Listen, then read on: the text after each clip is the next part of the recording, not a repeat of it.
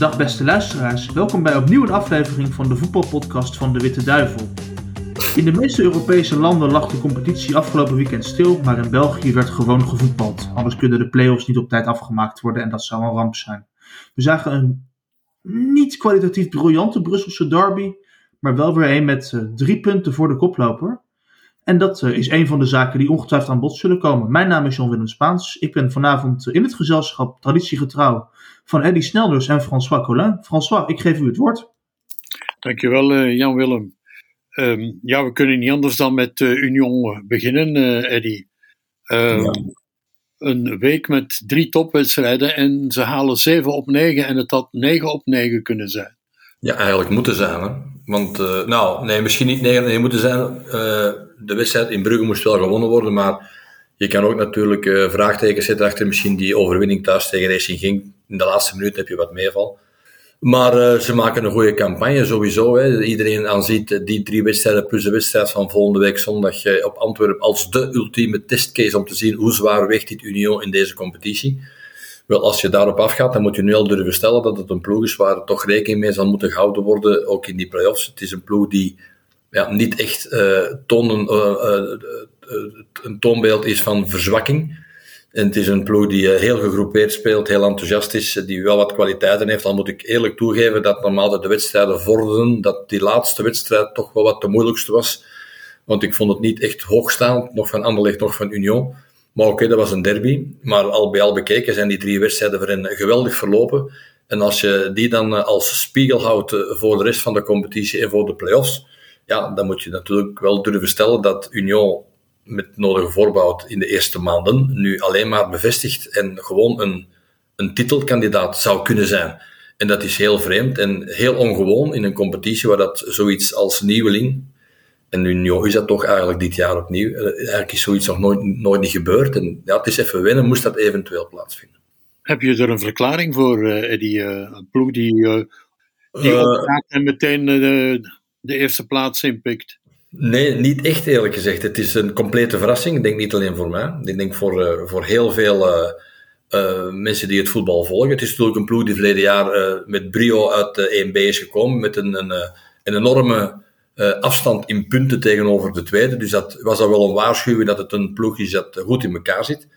Uh, veel onbekende spelers. Ik zeg niet dat Van Zijr ergens anders al afgeserveerd was, dan ben ik misschien iets te streng, maar toch vooral spelers die bij ons in eerste klasse in, in onze naaste omgeving eigenlijk niet echt bekend zijn. Wie kende Burgers, wie kende Nielsen, wie kende Cadus.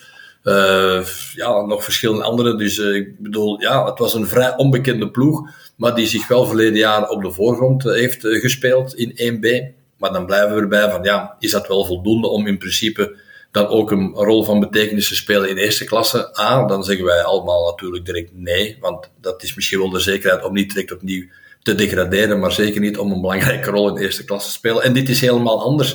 Het is een ploeg die nog verder doorgegroeid is, die nog sterker is geworden, die zichzelf ook sterker heeft gemaakt onder elkaar. Want je ziet ook dat dat groepsgevoel natuurlijk met de overwinningen ook meer en meer nog gegroeid is. Het is een heel moeilijk, uh, een, heel goed uh, geheel. Het is moeilijk ont, ontwrichtbaar. En dat is allemaal natuurlijk door omstandigheden, door wedstrijden met elkaar te spelen, door veel te winnen, door, uiteraard één geheel te vormen, weinig wissels. Uh, ik, ik hoor nog daar straks dat de twee spitsen alle wedstrijden gespeeld hebben, weinig blessures van, van, van, van lange duur. Dat zijn allemaal zaken die natuurlijk uh, ook wel wat meetellen, maar al bij al is het toch vooral de, de, de, kwaliteit van het individu dat moet primeren. En ja, je moet ze meer en meer naar voren sturen natuurlijk, hè, de kwaliteit van de jongens. Want als je daar zo lang staat met die Um, die elementen die je allemaal hebt van de gewone wedstrijden. Meeste doelpunten gemaakt, meeste doelpunten tegen. Uh, Morris, waar dat iedereen van uh, zei, ook ik, eerlijk gezegd, in de tijd in KV Mechelen, net niet genoeg. Ja, is een goede keeper geworden. Elf clean sheets, uh, ver voor de tweede. Ja, dan, dan moet je toch zeggen dat het gewoon een goede ploeg is. En, en, en dat is een verrassing. Dat blijft voor mij altijd nog een verrassing, dat dat zo lang kan, kan doorzien. Ik zie ze gewoon kampioen worden, Eddie. Ja, ja, Frans, maar ik durf dat woord nog niet 100%, maar je toch altijd van slag achter wilt houden. Maar, maar ik denk dat jij heel veel gelijk kunt nemen. Dus uh, het is, als je ziet hoe dat zij. Er is ook geen teken van verzwakking. Je hebt natuurlijk wel zo'n wedstrijd dat ze verliezen. Dat is al eens gebeurd. Dan denk je altijd opnieuw ah, nu komt de, de moment van verzwakking, de neergang is ingezet. Maar de week erop dan wordt er gewoon gewonnen. Al moet ik wel eerlijk toegeven dat het, het spel op zich, dat was frivol en dartel, dat is, oké, het zijn ook moeilijke wedstrijden en in moeilijke omstandigheden. Dat is wel iets afgenomen. Ik vond bijvoorbeeld uh, het, het, het, spel in balbezit, vond ik al wel een pak minder, ook zeker tegen Anderlecht. Oké, de tegenstander gaat zich waarschijnlijk meer instellen. Ik vond ook het duo uh, vooraan, dat toch al veel doelpunten en assists heeft gegeven, vond ik ook al iets minder vlot acteren. Ik vond ook Oendaf in Club Brugge aan een vrij matige kant. Ik vond hem nu gisteren zelfs helemaal onzichtbaar. Van Zijr is iets anders, die heeft toch iets meer werkkracht, met iets meer diepgang. Maar werkt iets moeilijker af, is ook minder fijn in die afwerking tegenover Oendaf. Die was nog wel daar um, meer aanwezig, maar ook niet echt groots.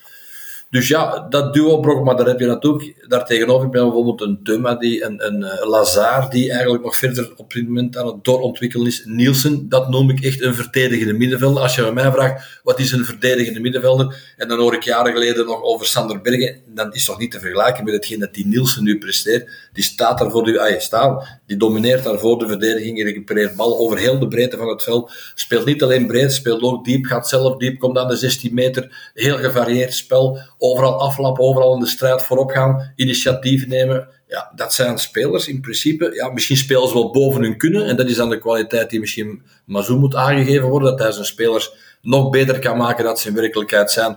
En dat kan zijn als je ze dan volgend jaar koopt, dat je denkt van oei, het is toch een pak minder dan ik had verwacht. Want kijken zoals ze verleden jaar gespeeld hebben. Dat kan, dat moeten we afwachten. Maar dat zijn jongens die, die op dit moment uh, ja, uh, bij de top in de Belgische competitie behoren. En, dan, ja, dan, als je zo verschillende spelers hebt, dan moet je inderdaad durven constateren dat de kans op kampioenspelen aanwezig is. Antwerpen en Club Brugge zijn de enige concurrenten, of ben je het daarmee eens? Ja, helemaal. helemaal mee eens.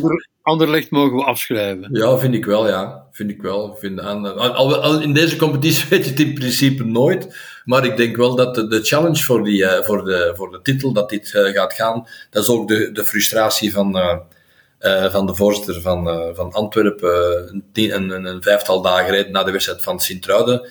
Die voelde natuurlijk aan dat dit verloren punten waren in de strijd. En die punten heb je misschien nog wel nodig om inderdaad nog voor die titel te gaan die kernen zijn natuurlijk iets breder, iets meer uitgebalanceerd dan bij Union. Maar als ik zie het enthousiasme waar dat Union mee speelt, dat compenseert natuurlijk wel heel veel. Maar ik denk, Bruggen is nog niet op zijn best. Dat hebben we verleden week tegen, uh, tegen uh, Union kunnen vaststellen. Antwerpen is een vervelende tegenstander die niet altijd groot speelt, maar wel altijd redelijk berekend is, uh, redelijk gedisciplineerd overkomt. En die in principe ja, uh, het, het Union moeilijker maken. Maar volgende week weten we weer meer. Hè. Dan is het uh, Antwerp-Union. Uh, Oké, okay. Antwerp moet toch iets laten zien. Union kan uit zijn egelstelling komen. Die geven altijd de bal aan de tegenstander. Dat kunnen ze op Antwerp weer doen. Alleen moet je natuurlijk dan in balbezit wel iets scherper zijn. Maar dat kan gewoon volgende week na een paar dagen rust een, heel andere, een, een, heel ander licht zijn. Dat kan, dat kan gebeuren. Ja, Antwerpen heeft nog een inhaalmatch tegen Kortrijk. Ja. Als het uh, die, uh, die wint en het wint tegen uh, Union zaterdag, dan staat het op vier punten. Maar... Ja. Dus, dus kunnen we wel stellen dat, dat ten eerste natuurlijk is nog de vraag. in Kortrijk is in principe geen makkelijke wedstrijd. Dat heeft Brugge ook ervaren nu gisteren. Maar ze hebben wel verdiend gewonnen tussen haakjes, dus ze waren wel de betere ploeg. Maar uh, dat is niet de garantie voor Antwerpen om zomaar over Kortrijk over te gaan. Langs de andere kant heb je dan drie dagen later, dus je hebt iets minder rust, heb je dan toch Union voor de voeten. Maar uh, zij gaan samen met, met Brugge, zie, dat zie je ook duidelijk, gaan zij degene zijn die het Union nog, uh, nog moeilijk kunnen maken, nog het dichtst benaderen, alleszins. Maar dat kan aan zondag weer een, een, andere, een andere optie zijn. Je zegt nu wel, als ze winnen, dan staan ze op vier punten. En als ze verliezen, ja, hoeveel staan ze dan? Dan staan ze op tien punten. Zoiets, ja. ja, dus ja, we zullen, we zullen even afwachten wat de wedstrijd van volgende week zondag eh, gaat brengen voor, eh, voor Antwerpen. Dat gaat wel een, eh, ook voor hen een, sleutel, een sleutelmoment zijn richting play-offs natuurlijk. In Anderlecht zien we geen titelkandidaat meer. Nee, ik heb de indruk, Anderlecht heeft zijn beste periode gehad net voor de winterstop. ook tegen Cercle Brugge werden ze eigenlijk afgebluft door een ploeg die hoog druk zet en die, die dat heel goed deed en zelfs 11 tegen 11 was het voor Anderlecht toen een probleem. En ook nu opnieuw, eh, moet ik zeggen, was het geen, eh, geen goed Anderlecht, geen scherp Anderlecht. Uh, er waren te veel mankels, te weinig uh, mensen op de voorgrond. Uh, twee weken ook al geen doelpunten gescoord. Ze gaan natuurlijk nog wel punten halen, maar ik denk dat de afstand die ze nu hebben tegenover Union net iets te groot gaat zijn om echt nog te kunnen challengen. Zie je hen play-off 1 halen? Die mogelijkheid zit er zeker wel in, ja. Dat wel. Dus het kan wel zijn dat zij samen met Brugge en Antwerpen de vierde zijn. Die, uh, en dat is dan bij de gratie van Gent, omdat Gent gewoon niet kan scoren. Dus uh, als Gent uh, iets vloeit, maar dat is niet alleen van nu, dat is al het ganse seizoen praktisch het geval. Op een kleine periode na, net voor de, winters, voor de winterstop, dat er wel iets vlotter werd gescoord. Als je het aantal doelkansen optelt dat Gent gemist heeft en daartegenover de gemiste punten, dan kom je aan een serieus aantal. Dus Gent heeft eigenlijk in zich zijn eigen voet geschoten door het feit dat ze op dit moment en al praktisch het hele seizoen eigenlijk heel moeilijk afwerken. Maar die blijven ook nog in koers voor die vierde plaats. Maar ik heb de indruk dat die vierde plaats gezien het, het zelfs door twee gedeeld uh, puntenaantal niet voldoende gaat zijn om eigenlijk uh, nog aanspraak te kunnen maken op, uh, op een vorm van kandidaat titelhouder. Ja, misschien is KV Mechelen wel de, de grootste concurrent voor Anderlecht. als die een twee inhaalmatchen winnen, staan ja. ze gelijk. Ja. Dat, maar er zit die match tegen OHL bij. Als ze daar wat eigenlijk logisch zou zijn, de punten kwijtspelen, ja, dan hebben ze echt wel uh, zichzelf uh, in ja. de voet geschoten. Ja, en daar vrezen ze nu voor, want ze gaan op alles op alles zetten om die wedstrijd inderdaad te mogen herspelen. Maar als je natuurlijk echt uh, de regels volgt, dan zou dat eigenlijk een forfait moeten zijn. Dus we zijn allemaal benieuwd hoe dat het inderdaad gaat afgehandeld worden. Het zal weer typisch op zijn, op zijn Belgisch zijn, op zijn op zijn Belgische voetbalbond zijn, met, met uitstel en afwachten en dan toch de laatste een verdikt krijgen waar niemand mee gelukkig gaat zijn. Maar goed, we zullen wel even afwachten. De voorbije weken was Cercle Brugge de sensatie van de competitie met de nieuwe trainer. Maar thuis tegen Oostende, tegen de degradatie nog altijd vecht, gaat het dan toch weer mis. Ja, oké. Okay. Uh, het is zo natuurlijk dat die wedstrijd daarvoor, die hele reeks, ik dacht dat 24 op 27 was dat ze gehaald hadden dat dat uiteraard een, een, een uitzonderlijke situatie was, ook voor Cercle Brugge. Hè. Ze hebben, en vooral vond ik dan de wedstrijd op Anderlecht was echt, een, eh, echt uh, merkwaardig, bewonderenswaardig. Ik ben daar echt geschrokken van, van de manier van spelen van Brugge. Agressief naar voren toe, druk op de helft van de tegenstander, heel veel loopvermogen in de ploeg. Maar dan hebben ze dat toch een paar dagen later in een, in een, in een vrij fysieke wedstrijd tegen Oostende hebben ze dat dan toch moeten afgeven. Alhoewel het uitslag ook anders had kunnen zijn. Um, paar kansen, doelpunt afgekeurd. Enfin, er zijn wel wat omstandigheden geweest die wel wat tegenzaten. Dus dat heb je dan ook wel eens in een mindere dag. Maar al bij al heeft, dat uh, natuurlijk wel een rem gezet op de verdere ontplooiing. Maar we kunnen nu niet zeggen dat Cercle Brugge dit op hele korte tijd eigenlijk op een schitterende manier uit de misère is geraakt. Hè. Dus, uh, het was zelfs al onder, onder hun vorige trainer was het eigenlijk al iets aan het beteren, maar die moest dan ook wel boeten voor de, hetgeen dat ervoor was fout gegaan. Maar met deze, met deze nieuwe trein met de Oostenrijker uh, ja, loopt het eigenlijk, uh, eigenlijk uh, heel goed. En ik denk dat Cirkel vooral de betrachting had van dit jaar een, een rustig seizoen te maken. Daar zijn ze al aan toe nu. En alles wat er nu nog bij kan komen is eigenlijk bonus. Hè. En ze kunnen ook in die tweede pool geraken nog altijd, hè, want daar staat alles nog wel wat open. Het is een rustige transferperiode geweest. Ja, dat heb ook 14 dagen geleden al gezegd dat dat zoiets ging zijn. En het is ook bevestigd. Hè. Zie je daar ergens verschuivingen in? Nee, eigenlijk niet. Ik vind vooral hetgeen dat er gekocht was. Meestal zijn het onbekende jongens. Um, het zijn vooral aankopen in de breedte. Soms jonge gasten die nog wat verder moeten ontwikkelen, waar dat ze dan denken, we gaan dat nu al doen. Met het oog op volgend jaar, dan kunnen we ze misschien, dan hebben we wel eens gezien wat, er, wat voor vlees we in de kuip hebben. Maar ik vond niet echt dat er, dat er, uh, dat er uh, echt transfers zijn gebeurd. Van wauw, dat is nu eens iets waar dat... Uh, waar dat die ploeg nu eens echt beter van wordt. Ja, als je Klaus naar uh, Sint-Truiden, Sint-Truiden kan er misschien iets beter van worden, want die hebben ook wel een scorend probleem. Maar, maar ik vind niet echt dat er schokkende transfers zijn gebeurd, alleszins niet. Er zijn zelfs ploegen die niks gedaan hebben en ze hebben gelijk. Ik vind, je moet niet altijd maar in de breedte liggen aankopen in, in de hoop van, dan ben je geld aan het weggooien. Want je weet nooit niet zeker wat je aankomt. Januari is sowieso al meestal een transferperiode waar dat het minder succesvol is, want tussentijds, wie wil er weg? In een, in een tussentijdse periode is niet zo evident. Ofwel ontevreden spelers, ofwel spelers ergens anders op de wip staan. Dus wat dat betreft uh, is dat dit jaar nu minder gegaan. Ook zal waarschijnlijk de financiële armslagen van de verschillende ploegen, eh, iedereen is wat voorzichtiger geworden, om dat niet te breed te laten uitdijnen. Maar ik vind niet echt dat er, dat er, noemenswaardige, dat er noemenswaardige transfers zijn gebeurd. Anderlecht is de goede zaken dan, denk ik, met Rebel nog eventjes te kunnen uitduren. Dan zullen ze toch een deel van die loonmassa kunnen, kunnen, weg, kunnen wegduwen voor ja, een maand of vijf, zes. Dat is dan alleen maar zuiver een financiële transactie. Maar uh, ik kan voor de rest niet iets voor de geest halen, eerlijk gezegd. Wauw, dat is nu eens een fantastische transfer. misschien doe ik dat niet met tekort, maar het, ik kan het me niet voor de geest halen. Agent kan woensdag tegen Club Brugge zijn seizoen een beetje redden? Wow, redden, ze spelen natuurlijk nog altijd Europees. Hè? Dus het is zo dat, het, dat, dat die ploeg nog op drie fronten actief is voorlopig. Brugge ligt eigenlijk in principe redelijk goed. En ze spelen niet slecht, hè. ze spelen eigenlijk goed. Hè. Je, tegen Antwerpen op de eerste 10, 15 minuten na hebben ze een goede wedstrijd. Maar ze blijven met een ongelooflijk probleem zitten.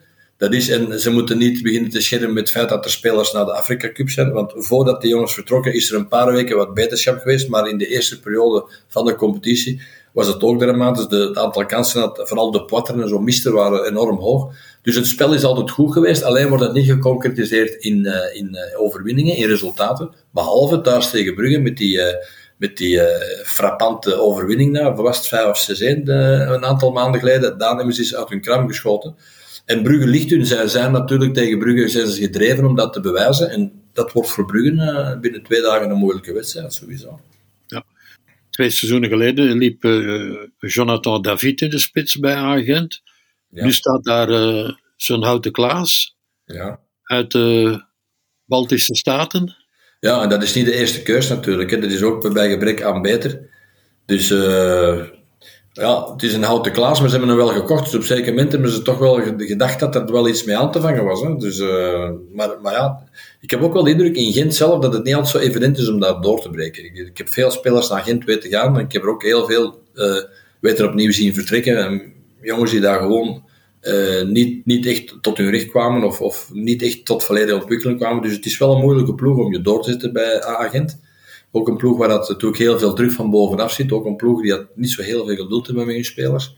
Die altijd maar bijkopen in de breedte in geval dat het niet lukt van nog een ander. Als ik zie hoeveel, na die Champions League periode, hoeveel, uh, hoeveel spelers gekomen en vertrokken zijn, dat is een gigantisch aantal. Dus altijd maar blijven proberen om opnieuw iets anders en nog eens iets anders en nog eens iets anders. Dus ja, het is een moeilijke ploeg, hè, sowieso, om, uh, om jezelf verder in te kunnen ontwikkelen. Maar uh, ja, het is de derde keus. Uh, je hebt een beest gezien, de ganse wedstrijd. Het is, ja, het is niet evident natuurlijk om met dat type van speler om daar gegarandeerd resultaten mee te halen natuurlijk. Het is wel een mooie affiche voor de beker. Ja, vind ik wel. Gelukkig zou ik zeggen. Oké, okay, er moest wel eens ergens één affiche komen, gezien de ploegen die er nog waren. Nu was het club eh, dat tegen, tegen A-agent komt. Dus uh, het ligt ook altijd vrij gevoelig. Het is, uh, het is, het is eigenlijk de wedstrijd van Vlaanderen, hè. dat is zo eenmaal. Dus ja, we zullen afwachten. Hè. Meestal is het ook garant voor, voor spektakel. Dus laten we hopen dat dat ook opnieuw binnen twee dagen het geval is. Ik hoop het met jou, Eddie. Bedankt. Graag gedaan. Duidelijk. Dan heb ik tot slot nog één. Ik was zaterdag aanwezig op het Kiel in Antwerpen voor misschien wel de spectaculairste weekend van het, wedstrijd van het weekend. 3-3. Beerschot Zulte Waregem. Maar Beerschot, gaan die zich handhaven, denken jullie? Nee. Moeten we er nog verder op doorgaan? dat vrees ik. Ik heb echt... Tot mijn grote spijt uh, zitten we in het, uh, in het, uh, zitten we al zover dat we over mathematisch kan het nog. En ik weet heel goed, uit eigen ervaring, dat iets dat mathematisch nog kan, heel moeilijk nog realiseren. Het was dus ik, ik, vrees, ik, heb dat zelf aan de lijve ondervonden. Uh, François weet waarover dat ik het heb. Want ik was er dik van gelezen heb toen ik uh, nog hulptrainer was van Ploeg, dat we het mathematisch nog konden redden. Dat was uh, gigantisch en we hebben het toch niet gehaald. Dus ik denk, als je in, die, in, in dat keurslijf ja. dat het moeilijk wordt. Ja. Er zaten amper mensen. De eerste helft van Beerschot is denk ik de slechtste die ik ooit van een voetbalploeg heb gezien. Ze hebben door een klein mirakel een punt gered, maar ik heb echt in geen tijden zo'n slecht elftal gezien. Ik ben heel dat, bang dat, dat jullie gelijk gaan krijgen. Dat wil wel zeggen, want je hebt veel wedstrijden in Schotland gezien. ik wou zeggen. Ja, nou, daar, ja. Schot? Nee, nee, nee, nee. Nu ja, ik ook zeggen. Ja, Schotse je hebt teams... een incasseringsvermogen dus. Hè? Je hebt wel een heel groot incasseringsvermogen. Ik ga nu zeggen, nee, nee, Schotse teams zijn kwalitatief wellicht niet de beste maar hebben wel eenheid in de ploeg. En dat ontbrak bij Beurschot helemaal. Dat waren elf individuen die iets aan het doen waren. Ja, dat klopt. Dat Schot, in de Schotse League One zie je ploegen gemeenschappelijk falen. Dat is ook interessant. Maar, nou ja, in elk geval. Um, ja, het dreigde even op een hoopvolle noot af te sluiten, deze uitzending van onze podcast. Uh, dat heb ik uh, verhinderd, excuses. Um, ik dank Eddie en François alsnog voor hun expertise. Ik dank u allen voor het luisteren en hoop u uh, volgende week weer te mogen begroeten. Tot ziens!